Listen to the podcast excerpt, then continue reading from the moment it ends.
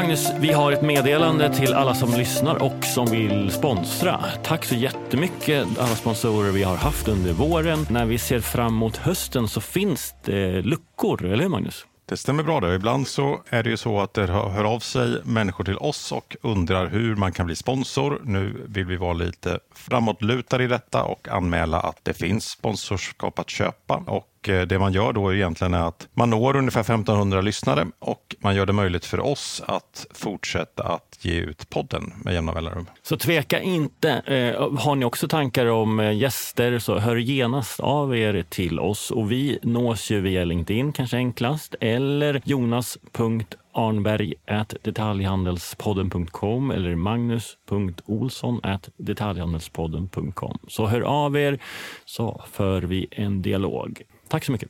Nu kör vi igång dagens avsnitt.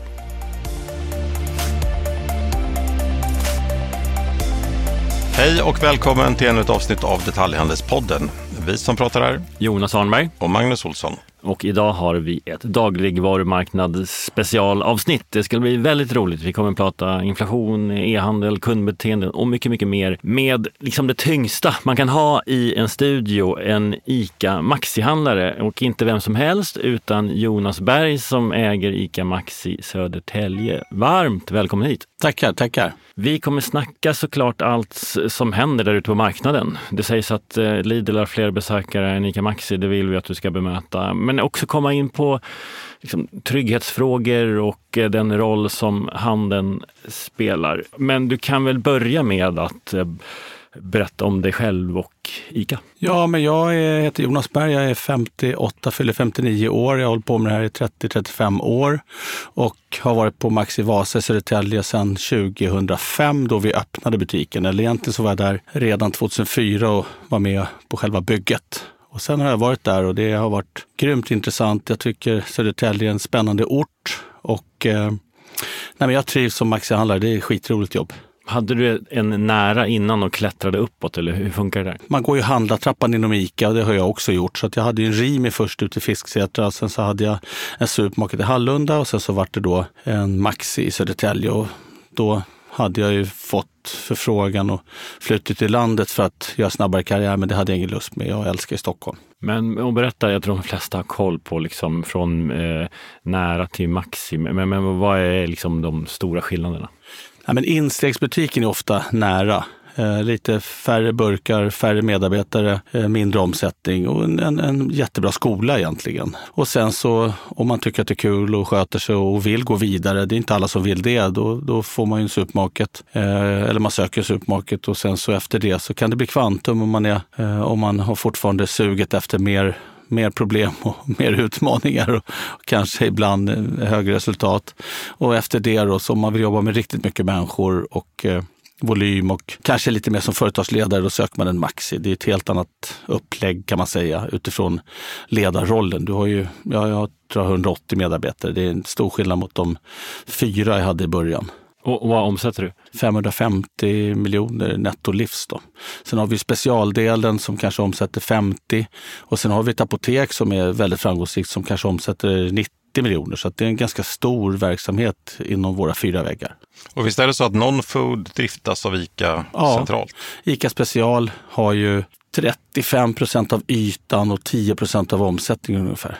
Men gör det att du vill att, liksom, driver du den affären också åt ICA så att säga? Hjälper du till eller finns det, ett, ja. finns det liksom en konflikt där? Nej, det finns ingen konflikt utan vi heter ju liksom, vår idé är ju allt under ett tak och det tror jag fortfarande är superbra att kunden kan handla både eh, grillkolen och, och, och pulkorna och eh, eh, lite kläder har vi också. Liksom. Jag tror att det, det är ett jättebra koncept och jag tror att det, det ska vi liksom aldrig ta bort. Eh, och eh, min roll i det är väl snarare ja, stöttande och, och, och kanske att vi har en helhetssyn som stämmer med så att kunden inte upplever att det är någon skillnad. Och där tror jag vi är viktiga, men, men eh, vi, jag har aldrig haft något bekymmer med det, utan vi, vi brukar ha så bra dialog så att vi vet och, och förstår varandras liksom, utmaningar. Hur stor är skillnaden mellan stegen i koncepten? Jag tänker att en, en kvantum, är det en ICA Maxi minus non-food?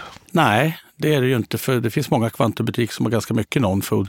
Eh, man kan väl säga att, jag tror definitionen är att ICA Kvantum är mer matmarknad. Alltså man, man ska ha mer, lite mer manuella diskar, lite mer eh, mattänk, lite mer specialister eh, får jag en känsla av. Men det där har ju blivit lite annorlunda därför att alla eh, profiler utvecklas ju. Och jag kan ju tycka att Max är kanske den profil som har utvecklats mest. Sen vet jag inte alltid om det är det mest rätta. Därför att eh, jag tror att det är viktigt att kunden känner igen sig. Precis som när du går till McDonalds så vet du vad en Big Mac smakar. Och jag, jag, jag kan tänka att det sker med automatik nu, men vi blir ju lite mer prisiga och jag tror att det är helt rätt väg.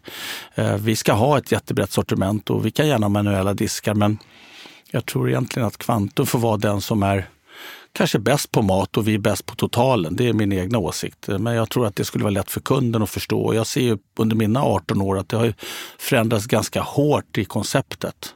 Och jag tror att lite back to basic är inte fel faktiskt. Eh, oavsett om vi nu är inne i en, en en period, ganska få år av just det här med bara prisfokus. Men jag tror ändå att prisfokus kommer vara viktigt även i framtiden. Så jag tror att det här kan hjälpa oss faktiskt på, i strategin. Men ta det vidare. Är, är, du och ni stressade kring det prisfokus som råder nu? Nej, det tycker jag inte vi är. Vi är ganska snabba på att ställa om. Så att, eh, jag hade ju mitt första möte med mina medarbetare maj förra året kring just vad jag såg, eller vad jag trodde skulle komma att ske. Och redan då så, så informerade jag om att vi kommer inte varsla utan vi kommer, vi kommer helt enkelt se över timmar och, och, och med hjälp av lite naturliga avgångar och folk som går till studier och, och, och att vi kan samarbeta och, och hjälpa varandra så kanske vi inte ersätter vid sjukdom och sånt så att vi kan hålla nere timmarna ifall det är så att posterna eh, minskar och det var ju precis det som hände. Så att vi har varit ganska väl förberedda och det är väl kanske styrkan, tycker jag, inom ICA, att det är handlare på plats som kan ta ganska snabba beslut och, och liksom, ja, örat mot rälsen och, och, ha snabba fötter. Och det är precis så vi har agerat. Så att jag ser ingen oro i det här. Alltså, läget är inte det roligaste året vi har haft eh, och jag tror inte 24 heller kommer bli det roligaste året vi har haft. Men Samtidigt så utvecklas vi och vi har sett över kostnadsmassa och vi har kanske dragit ner på en del saker som kunden ändå inte behövde kan man säga. Det finns en hel del självförverkligande i alla ICA-butiker oavsett profil. Och ibland måste man nog ta sig en funderare på, är det här någonting som kunden efterfrågat eller är det någonting som jag som handlare vill utveckla? Och vad, vad är det för någonting? Kan du ge Nej, men det kan ju vara öppettider, det kan ju vara, det kan ju vara delikatessavdelningar, det kan vara bagerier, det kan vara egentillverkad glass. Alltså vi är ju experter på att utveckla saker, kanske ibland för vår egen skull och kanske inte alltid för kundens skull. Men är inte det också styrkan? Jag, jag inbillar mig att ni, du träffar kollegor som också äger en butik och, och, och utbyter erfarenhet då, jämfört med en annan butikskedja som kanske bara har har liksom en affärsutvecklingsenhet. Absolut är det så, men man ska också veta att allt det där kostar. Och det är klart, om det påverkar priset till kund så är det inte så jävla begåvat. Så att ibland kanske vi ska tänka lite mer på kunden och vad har kunden för behov? Och eh, det vi har sett sista året, två åren kanske till och med och, och för ganska lång framtid framåt tror jag det är att priset kommer aldrig vara oviktigt. Eh, och då måste man ibland kanske fundera på, nej men vi har till exempel sänkt öppettiderna i vårt café. Vi hade nästan inga kunder sista två timmarna. Ja, men ska det vara öppet då som på något sätt kommer drabba kunden eller priset? Nej, då stänger vi igen det. Och det är väl sunt egentligen. Men det är klart att man blir lite fartig när allt går bra och, och, och, och solen står rätt på himlen och, och allting funkar. Men, men jag tror egentligen att man skulle ha en sån här smäll eh, då och då för att helt enkelt fundera på vad man håller på med och vilken strategi man har och, och vad det finns för, för ställen i, i verksamheten som, där man skulle kunna hitta besparingar som man kan vända ut mot kund.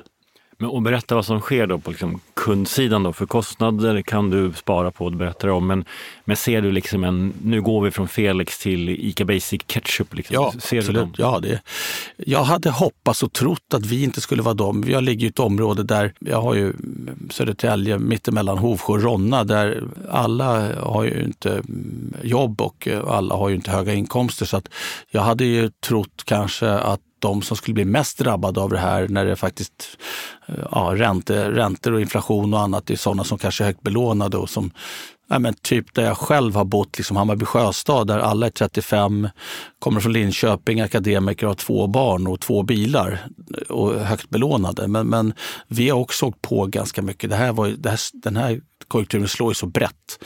Så att vi ser ju, ja, vi såg ju redan i augusti förra året att det blev ju ett helt annat fokus på pris och framförallt aktivitetsvara, annonsvaror och även då i sortiment så har ju vi, ja, vi säljer otroligt mycket mer ICA Basic och sånt som faktiskt är lite bättre priser på.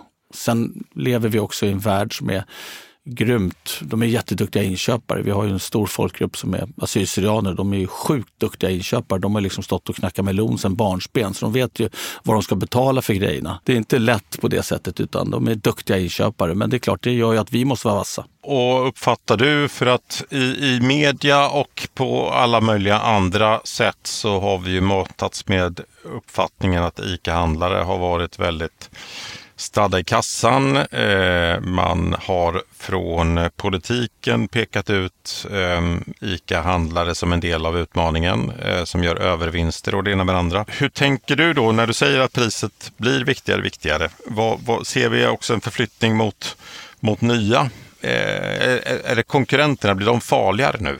Jag vet inte om jag tycker att de blir farligare. Vi, vi blir ju, vi blir ju liksom, eh, blir mer uppmärksammade på att priset är otroligt viktigt. Men det innebär inte att vi inte har priset. Eh, vi är dåliga på att få fram prisupplevelsen. Alltså, skillnaden i alla undersökningar är ju betydligt större på prisupplevelsen än det faktiska priset. Så där får ju vi en hemläxa. Eh, men sen har vi ju inte samma affärsidé som lågprisarna och, och, och ja, har discount och det. Det har ju aldrig varit vår idé så att jag tror inte vi ska överge det. Vi ska vara bättre på att förmedla de priser vi faktiskt har. Så att jag kan inte tycka att vi är speciellt rädda för omvärlden. Vi är väl mer medvetna om att nu står alla stjärnor fel för oss, men det har ju varit sjukt många år där stjärnorna stått rätt. Så att vi ska nog sitta ganska lugnt i båten och bara eh, lägga korten rätt och, och, och hålla i och hålla ut. Och sen så naturligtvis ska vi se över kostnader så att vi kan vända ut det pris mot kund. Och det gör ju vi nu allihopa. Vi har ju redan sett trender som pekar att kunderna röstar på oss igen. Eh, och vad det gäller det här populistiska, att vi är roten till all ont. Jag har aldrig tvingat en enda kund att handla hos mig, så jag, jag har faktiskt aldrig tvingat någon, utan de får faktiskt välja helt själva. Men alltså ja, man handlar ju hos er för att ni är grymma, så är det. Och det har upp, sen om det är för att alla andra är sämre eller så, men, men uppenbarligen har ICA eh, tjänat en del pengar genom åren. Och jag vet att alla som lyssnar väntar på att jag och Magnus ska ställa frågan, så vi gör det på en gång. Kör du Ferrari? Jag har en Ferrari, ja. Och jag har andra bilar också. Jag är född med ett extremt bilintresse. Jag har åkt Porsche 356 sedan jag var två och ett halvt år gammal. Så att det är, oavsett val av bransch hade jag alltid varit bilintresserad och ja, jag har en Ferrari. Det är otroligt. Nitar du den utanför entrén på din egna parkeringsplats? Otroligt sällan. Har aldrig hänt. och det är, inte för att jag, det är inte för att jag skäms, det är för att det är för att folk eh, inte förstår att det är ganska mycket hårt arbete bakom. Eller eh, folk förstår. Och det jag tycker är riktigt coolt är att jag har drivit butik i eh, Vårberg, Rågsved, Fisksätra, Hallunda, Södertälje och eh, i de områden där det är mest mångfald och där det finns flest som har annan bakgrund än blonda och blåögda, de hyllar ju mig som handlare och de vet ju att jag eh, gillar livets goda och, och de säger ofta att dig ska vi handla hos, vi stöttar dig för du är duktig. Medan det finns kanske någon, någon svensk variant att man ska stötta de som är lite sämre eh, av någon anledning för att man är avundsjuk eller jant eller lutter och det är väldigt speciellt. Jag har ju faktiskt blivit lite präglad av mina kunder i 35 år så att jag är ju ganska, ja, jag är ganska Eh, sydeuropeisk kanske i både mitt, både mitt synsätt och kroppsspråk och det är jag jätteglad över. Det har utvecklat mig som människa. Ja, men det unnar vi dig och vi, jag tycker det blir väldigt eh, tydligt också. Så det här är en lekmananalys, men om man senast jag jämförde en, en ICA och en Coop väldigt nära varandra var i, i Åre i, under vintern, där man går in i ICA Åre som är en otrolig upplevelse. Alltså du kan köpa björn om du vill. Jag vet inte om man vill, lyssnarna vill men det, det, är ett enormt utbud och en upplevelse. Och sen går du in i Coop bredvid som också har förmånen att ha Systembolaget vid sig. Det är väl någon kilometer bort. Som ju är en öken. Och det är en enorm skillnad. Och man blir så här, men vänta nu, vill ni inte? Jag är här på semester och vill köpa roliga grejer, och, och, men ni vill inte sälja det till mig. Hur, hur, kan, du, kan du ändå, hur, hur gick det här till? Ja, men det är ganska enkelt egentligen. Ehm, alla franchisetagare i samtliga kedjor och ehm, ja, samtliga branscher tror jag slår ofta det som är centralstyrt och, och, det är ju helt otroligt hur man inte kan rulla ut fler sådana. Därför att det är det som är framgångskonceptet. Vi är egna handlare, vi är fria företagare i samverkan. Vilket innebär att mina konkurrenter ofta är ICA, men det gör mig ingenting om jag vet att vi får bättre priser om vi köper tillsammans och utvecklar varandra tillsammans. Och det är precis så inom alla franchisetagare, inom Coop och Hemköp och allt annat. Det har alltid visat sig vara framgångsrikt att ha en handlare som faktiskt har incitament att kanske tjäna pengar och, och styra över sina tider och scheman och, och, och arbetstider själv. Det, det, är uppenbart att det är framgångsexemplet och det är helt otroligt att inte fler fattar det. Och Jonas, eh, ICA har ju lite drygt 50 procent av marknaden men sen finns det ju uppenbarligen då 50 procent som inte går till er. Eh, och några som växer just nu det är ju de relativt hårt centralt styrda lågpriskoncepten. Eh, hur, hur, ser du på den utvecklingen då? Vad, vad är det de... För, för de har ju, om det är tur eller om det är skicklighet eller om det är rätt positionering som, som gör att de har tillväxt just nu. Det, det kan man väl diskutera, men vad, vad, vad ser du i deras eh, framtid? Är det en tillfällig rörelse eller tror du att det finns ett, ett långsiktigt hot här som man behöver gardera sig upp på, på, på, ett eller annat sätt? Eller ligger, ligger utmaningen i det du nämnde med, med det här med prisvärde? Eller att, ja, någon, du hade någon formulering där med värde för pengarna. Ja, prisupplevelse ja. slår ju många oss i, eh, men faktiskt pris är betydligt mindre skillnad än vad, än vad kanske konsumenten eh, ser. Och, och eh, ja, det, man gör ju inga Eh, man gör ju inga superanalyser utifrån konsument utan det är, när vi mäter så ser vi att skillnaden är betydligt mindre i realiteten än vad upplevelsen är. Men eh, som svar på din fråga, eh, vi ska ha respekt för våra konkurrenter. Willys har varit väldigt konsekventa. Eh, Lidl har ju haft många år med, med väldigt mycket röda siffror men blivit bättre. Eh, jag tycker att de gör bra jobb och, och tar du Lidl och deras eh, marknadsuppträdande med snabba fötter och jävligt aktiva och, och, och duktiga på att förmedla det som passar i stunden. Men det kan du ju göra om du är liten. Vi har ju svårare där. Så att det är klart att om du är marknadsledare och väldigt stor och dessutom handlardriven där alla ska vara med och tycka och tänka, då är det, det finns ju eh, utmaningar i det. Men det har ju varit ganska många år som vi har varit ganska duktiga och framgångsrika så att vi, vi, vi är inte oroliga över det. Utan eh, jag tycker eh, Willys har varit konsekventa. De har alltid haft eh, ja, Sveriges billigaste matkasse. Det gör de väldigt bra. Eh, och det passar nu. Det passar marknaden nu. Nu, nu, är man inte, nu, nu kanske man inte är så flärdig utan man, man, man eh, man köper det som är enkelt och billigt och, och, ja, alla får se över sin ekonomi när både elräkningar och räntor och allt annat är skit. Liksom och, och Ja, jag tycker att det, ja, de har gjort ett bra jobb. Men vi ska ha all respekt för både Willys och Lidl och även Hard Discount och egentligen alla. Vi, vi ligger ju aldrig på latsidan. Men, men ehm, det är inte så att vi, jag känner ingen oro. Jag vet att, jag vet att eh, kunderna röstar på oss och jag vet att konceptet funkar. Och för hela ICA-sfären så, så vet jag också att fria handlare i samverkan är oslagbart. Så att, ehm, jag tror alla mina profilkollegor eh, biter ihop och ser över kostnadsmassan och, och sänker priser och också berättar att de sänker priser.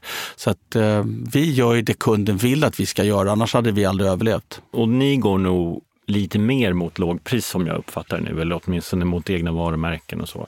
Va, vad händer då? Alltså då kommer ju hela marknaden bli mer prisfokuserad och även om du säger att prisskillnaden inte är så stor på riktigt utan det är just uppfattningen eller känslan Eh, så, så be, skulle det ändå kunna betyda att Lidl och Willys måste uppfattas som ännu billigare.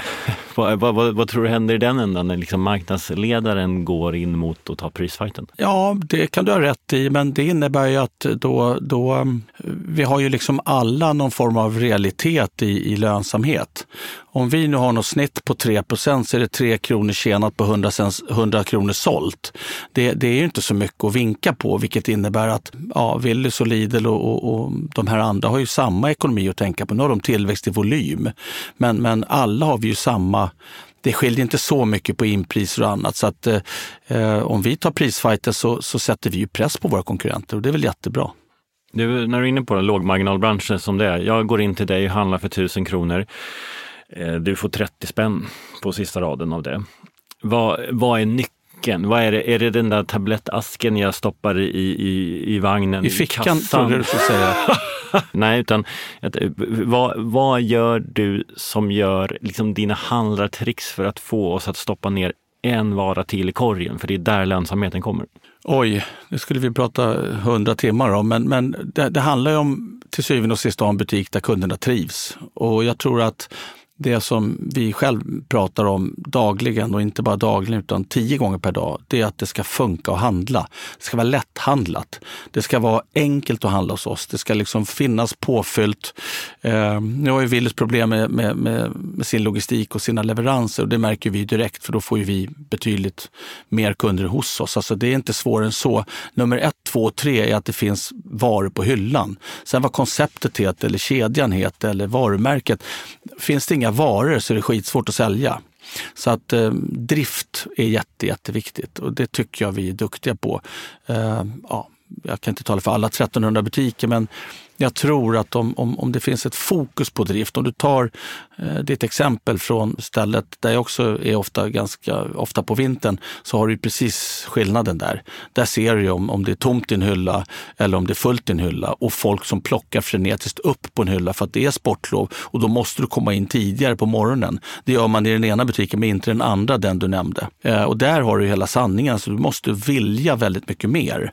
Och det är klart att då, då får du schemalägga så att det passar. Så att eh, hög nivå på driften, att du har alltid har en butik att lita på, att det alltid finns varor att handla. Det tror jag är nummer ett, två, tre.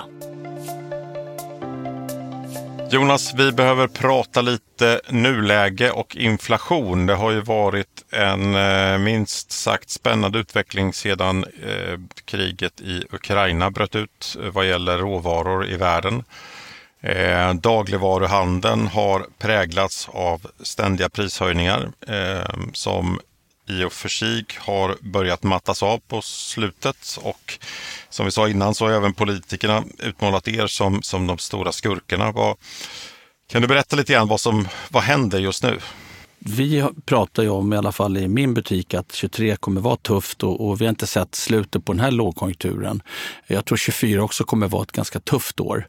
Eh, men vi är väl rustade. Men, men eh, om, man ska, om jag ska kommentera det som har hänt medialt och, och, och det här med det populistiska. Vi, hade ju hoppats att våra branschorganisationer skulle ha tagit på sig lite grann av det kommunikativa. Och när inte det skedde så satt ju vi som sittande fåglar och var lätta att skjuta på. Det ska vi inte göra så ofta för det innebar ju att alla frågor hamnade ute i butikerna och det blir väldigt svårt att svara på ja, varför gör inte ICA så här när jag står i en enskild butik? Så att eh, vi hade kunnat varit mycket, mycket bättre på att kommunicera det som i realiteten har funnits. Tar vi vår butik så hade vi eh, Ja, vi hade röda siffror på månader i höstas alltså, och det är ju ingenting som jag älskar för då kan du inte driva verksamhet. Så att vi har ju inte någon något bättre resultat än tidigare utan vi har ju fått kämpa för att behålla våra marginaler som eh, är låga. Sen kommer vi säkert överleva, men, men vi har ju målats ut som, som roten till allt ont och det handlar ju mestadels om att det har varit lätt att ta poäng av oss och vi har varit skitdåliga på att kommunicera.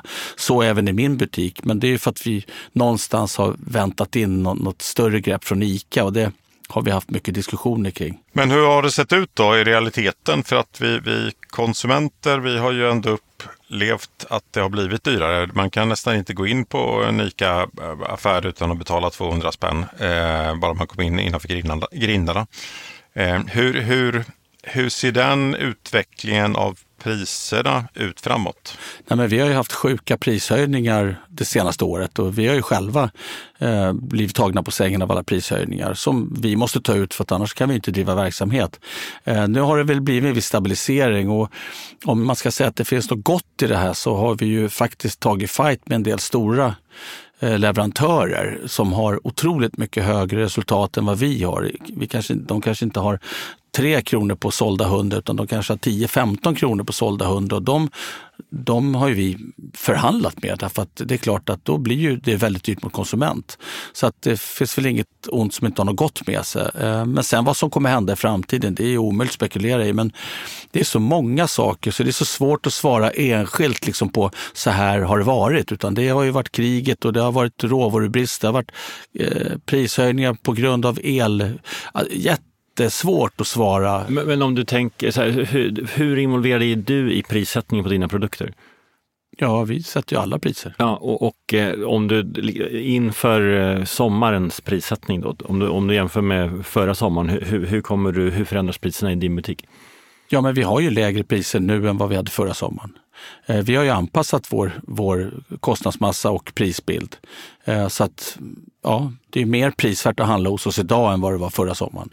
För att vi har gjort det jobbet med kostnadsmassa och... Det är jätteintressant. Och det är inte för att eh, även jämförbara varor, det är inte så att du har hittat någon kampanj eller så, utan liksom är, är en liter mjölk billigare sommaren 23 jämfört med sommaren 22? Det kan jag inte svara på. Det, det, det, det, det tror jag inte. Utan det är ju, Arla har ju också höjt priser. Alla har höjt priser. Men om du tar på totalkassen så kanske man får mer i påsen idag än vad man fick tidigare. Och det är också för att vi exponerar andra varor. Vi, vi har ju förstått att kunden handlar billigare så att det är mer eh, EMV-varor och egna märkesvaror och sånt som faktiskt är billigare. Men här är ju du inne på en, en förändring av kundkorgen ja. som Statistiska centralbyrån som mäter inflation inte tar med. Alltså över, över tid ändrar ju de såklart vilka varor man mäter.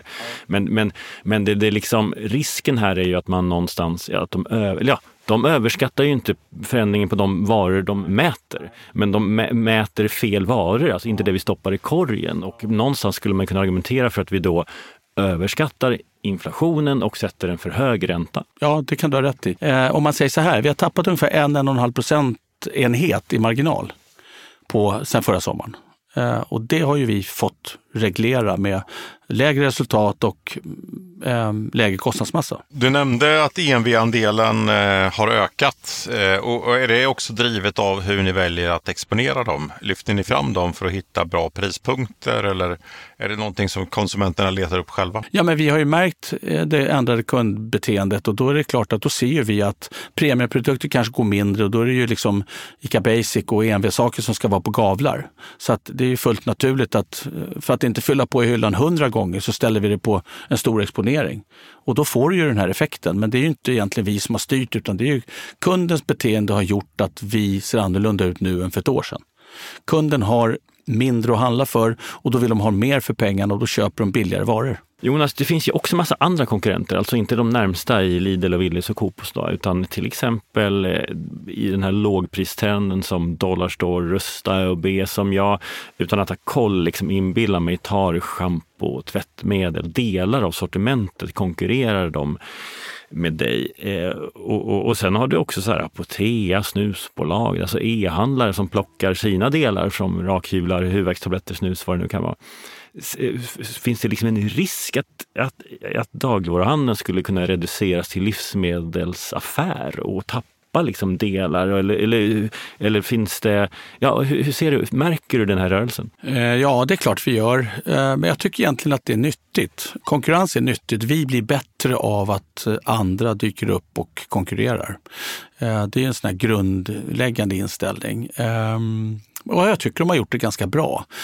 Sen så, mm, ja, eh, återigen då, vi är marknadsledare och eh, det är klart att då är det alltid lättare att komma och utmana oss därför att ehm, det är så det alltid har funkat i alla branscher. Eh, sen kan man väl också säga att vi är ju, om man tänker sig hard discount så finns det ju, vad ska man säga, vi har ju en hel del policies och annat som, som kanske inte alla har, som vi måste följa därför vi är marknadsledare. Ehm, sen har vi kanske lite andra, man hittar vägar genom att eh, sätta andra storlekar på förpackningar för att likna liksom taxfree handel. Ibland kan jag bli upprörd över att vi inte har tagit den där själva, men det är klart att man kan alltid bli bättre. Och konkurrensen gör ju att vi blir bättre. Vi ser över klipphantering nu till exempel, därför det finns massa klipp ute på marknaden och det håller vi på försök. Vad är det? Är det alltså att köpa ja, in partier? Ja, ja vi, vi, vi, vi har en, en, en, annan inställning till klipp nu än vad vi haft tidigare därför att kunden sätter just priset i fokus. Och det är ju så dollar står och alla har blivit stora. De fångar ju upp partier och det kan ju vara, ja, det kan ju vara saker som egentligen inte är ämnat för svensk marknad. Och, ja, de är busigare. De kanske, de kanske är där vi var för 20-30 år sedan. Och det är klart att det, det, det är svårt att vara rebell ett helt liv. Liksom. Och det tror jag drabbar oss inom ICA lite grann därför att vi, vi blir stora och, och, och lite fyrkantiga och, och, kanske lite fat and happy. Eh, och då är konkurrens jättebra så att vi ser över de delarna nu med både klipp och annat. Så att, eh, jag tror att vi behöver konkurrens, eller jag vet att vi behöver konkurrens. Det kommer göra oss starkare. Har du märkt det, om du tittar på ditt läge i Södertälje, på, på andra sidan motorvägen, fågelvägen kan det inte vara många kilometer, men det är den andra sidan motorvägen, där har du en Biltema och en konkurrent till dig, ICA Maxi, eller en kollega. Sen har du det här, är det Moraberg det heter, med, ja.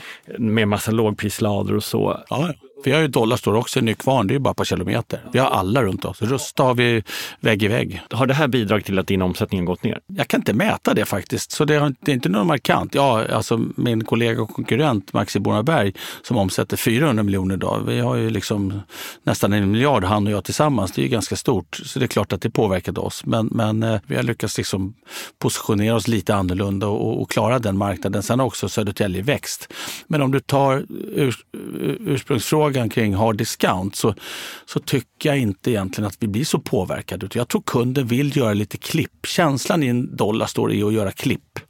Eh, och vi kan inte vara klippbutik på det sättet för att vi, vi har ju liksom vår affärsidé och den är inte riktigt byggd på klipp. Sen att vi eh, har klipp ibland och, och vi har maxiklipp och, och, och utifrån våra perspektiv gör vi så att kunden kan göra bra affärer. Men, men Uh, nej, vi kan inte riktigt vara det de är och jag tycker de gör det bra och jag tror att det är nyttigt för oss att de finns.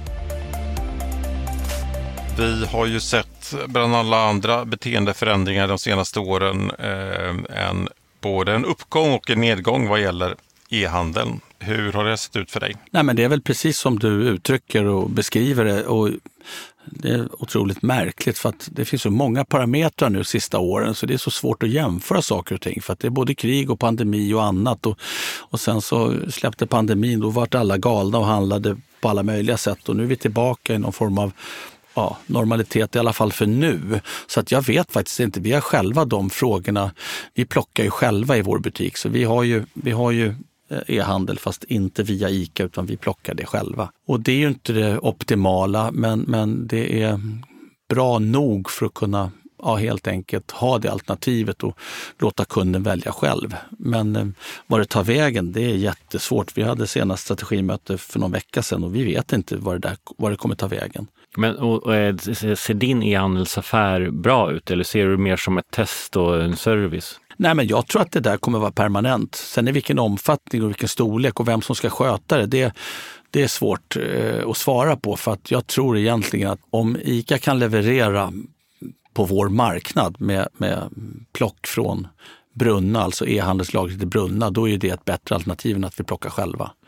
Eh, men e-handelsaffären är ju inte superlönsam utan det är snarare en kundnytta, precis som en del i disk eller en manuell kött eller något annat är kundnytta före liksom lönsamheten. Så skulle, jag, så skulle jag nog vilja uttrycka det. Och det här med eh, Brottbyhandlaren har vi väl blivit eh, känd och jag handlade själv eh, mat på nätet här om veckan och vi hade med det i avsnittet senast också med Omid på Matspar. Jag går in på Matspar-knappar, jag bor i, söd i söderort, blev dirigerad till ICA Sigtuna. Då. Och sen så går ju inte denna, den, denna, den går ju ändå från centrallagret. Då. Men, det, men det, det man, man, märker, i det lilla man kan märka utifrån så anar man att det är något som gnager där i hur den här affären fördelas. Jag tycker inte att det är så känsligt egentligen utan det är ju fria handlare i samverkan och entreprenörer. Och, och jag tror egentligen att om vi är pigga och vågar göra saker så kommer det gynna systemet. Jag tror ju någonstans att kunden eh, är ju både butikskund och e-handelskund. Jag tror att det jag tror på sikt att det där, man är bland det ena och det är bland det andra. Alltså man, man, man får liksom någon form av, av, av multibeteende. Och då tror jag att lojalitet är viktigt och att det finns en handlare på plats. Så att jag vi hade ju faktiskt EHL eh, när det lagret fanns i Jordbro. Då var kvaliteten inget vidare. Det var därför vi tog hem affären, för vi fick ganska mycket kundklagomål som jag då skulle svara upp för fast det var inte jag som hade plockat kassen. Och om det ändå är en halvtaskig affär så är det bättre att jag gör jobbet och då kan jag i alla fall svara på varför det inte blev rätt eh, persilja liksom i påsen. Så att eh, jag tror att det här kommer finnas kvar. I vilken omfattning vet jag inte. Men jag tror att det, jag vill ha jag vill ha relation till mina kunder oavsett om de handlar på nätet eller inte. Jag tycker det känns bättre. Men, men vi säger att e-handeln har nått, eh, den funkar fint och har en andel på inte vet jag, 10-15 procent. Vad, vad skulle, hur skulle det hjälpa din butiksdrift? Ser du några fördelar i, att, i, i helheten? Ja, det tror jag. Jag tror att jag skulle ha, kunna ha en bättre butik om jag, fick, eh, om jag fick den där hjälpen från till exempel Brunna som jag varit och besökt. Det är ett otroligt häftigt eh, plocklager alltså, med robotar och det är skithäftigt. Får man det att funka och få volym på allt det där så kommer det vara den bästa lösningen och då skulle jag kunna serva fler kunder med mer varor och ha en superfin butik. Det är häftigt. Ja. Jonas, nu har vi försökt vara lite tuffa mot dig som ICA-handlare, men vi måste också ge dig lite cred. Eller vi kan börja med handeln som helhet. Handelns roll i att skapa jobb, var den plats som liksom när i stort sett eh, kyrkan och allting annat har lämnat så är det ofta en butik, kanske inte alltid en ICA-butik, men ofta en butik kvar och det fyller ju en funktion både att bryta ut utanförskap och hindra nyrekrytering till kriminalitet. Och eh, berätta, du har ju också alltid varit i områden, som, inte minst i Södertälje i över 20 år.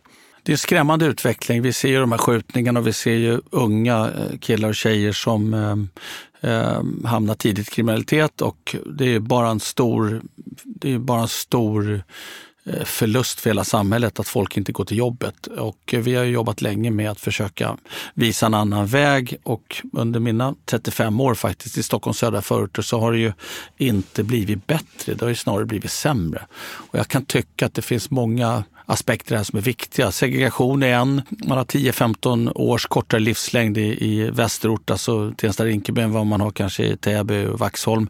Jag tycker att det är skit. Jag skäms över det. Jag tycker att vi borde räcka till till alla. Om vi säger ja till människor så ska vi se till också att de får ett vettigt liv. Och handelns roll, ja vi har ju tagit emot sjukt mycket lärlingar och praktikanter genom alla år därför att folk inte kommer in på arbetsmarknaden. Och där har vi en jätte, jätteviktig roll för att ett instegsjobb, eh, det som ofta politiker pratar om, det här med enkla jobb, det är superviktigt. För det är vägen till sammanhang. Det är vägen till att eh, få klappa sig själv på axeln och tycka att man har gjort ett bra jobb. Det behöver vi alla göra. Det gäller ju oss och det gäller alla andra. Och jag tycker att vi ska använda den kraften som finns i alla dessa butiker. Och precis som du var inne på, det behöver inte vara en ICA-butik. Eh, jag ska till Almedalen nu i år och, och ja, det kommer ju vara frågor kring det här. Och jag kommer ju säga som jag alltid säger, att enkla jobb, jag brukar likna vid om man har varit i New York eller någon annan storstad och det finns en kille som ofta är två meter lång, mörk och kör hissen och han är skitnöjd över att ta oss till våning 63. Det kan man ju fundera på om det är ett avancerat jobb eller inte, men det spelar väl ingen roll. Han gör ett bra jobb och han har lön för det. Och om alla går till jobbet och har lön, då kommer vi få se betydligt mindre skjutningar och mindre kriminalitet och mindre utanförskap. Och det är ingen vinnare i alla de där bitarna. Så att eh, jag tror att vi har en otroligt viktig roll och jag tyckte Polisförbundets eh, ordförande eh, någon dag på tv för ett par dagar sedan sa det väldigt bra att nu måste vi verkligen kliva in och samarbeta. Och det är civilsamhälle och näringsliv och skola och eh, föreningsliv. Alla måste kliva in och göra sitt för att det här kommer inte gå annars. Politikerna har ingen aning. Jag har haft sju ministerbesök. Jag tycker väl kanske inte att alla har varit så bra och de förstår inte verkligheten utan vi som är i verkligheten måste göra vårt och alla kan göra någonting i det här och det, det vädjar jag eh, om därför att det kommer inte vara någon kul utveckling. Men, men, och det du gör det är att du anställer vi, vi, börjar ju att visa vägen eh, ihop med Södertälje kommun och Arbetsförmedlingen. Eh, historiskt sett har vi gjort det eh, ja, sen vi öppnade och då får man börja på någon lärling, praktikant, eh, ja, verksamhet och sen så, jag tror att vi har kanske ett 50-tal idag som jobbar hos oss som började som lärlingar och praktikanter. Och jag vet inte, det vore kul att följa upp det. Det kanske inte är min superstyrka men, men, men jag ska nog göra det och se vad tog alla vägen. Därför att jag är övertygad om att om du får lite självkänsla och får vara på en bra arbetsplats ett antal månader så får du suget att tillhöra det här igen. Och jag är övertygad om att det är vägen till ett arbete. Sen är det inte kanske hos oss, det är omöjligt, vi kan ju inte anställa alla, men det är vägen till ett arbete. Och då får du folk i, då får du folk i, i sysselsättning och vi får skattebetalare istället för bidragstagare och det kommer gynna hela de familjerna. Jag har träffat ganska många unga arga män eh, med pappa och mamma som inte går till jobbet. Och det är, ju, det är skam och skuld och då knyter de näven i fickan och då är det ganska lätt att, att välja att inte vara eh, med i samhället utan snarare vara mot samhället. Och det ser vi ganska mycket i, i Stockholms förorter och, och det, det, är ganska korkad utveckling. Vi borde ha gett, vi borde ha gett dem en chans att, att att precis som vi bli lyckliga, nå våra mål och nå våra, liksom, eh, sin fulla potential. Kan du säga någonting Jonas om eh, hur läget ser ut vad gäller utvecklingen av snatterier och andra brott i butiken? Ja, det vi har sett, jag sitter med i lite olika säkerhetsforum eh, just för att säkerhet alltid har legat mig varmt om hjärtat. Eh, ja, tack vare eller på grund av de områden jag har verkat i. Men vi ser ju mer vardagssnatteri, alltså vardags, alltså, mm, Svenne, eh, alltså vanliga Svensson snor och chansar mer.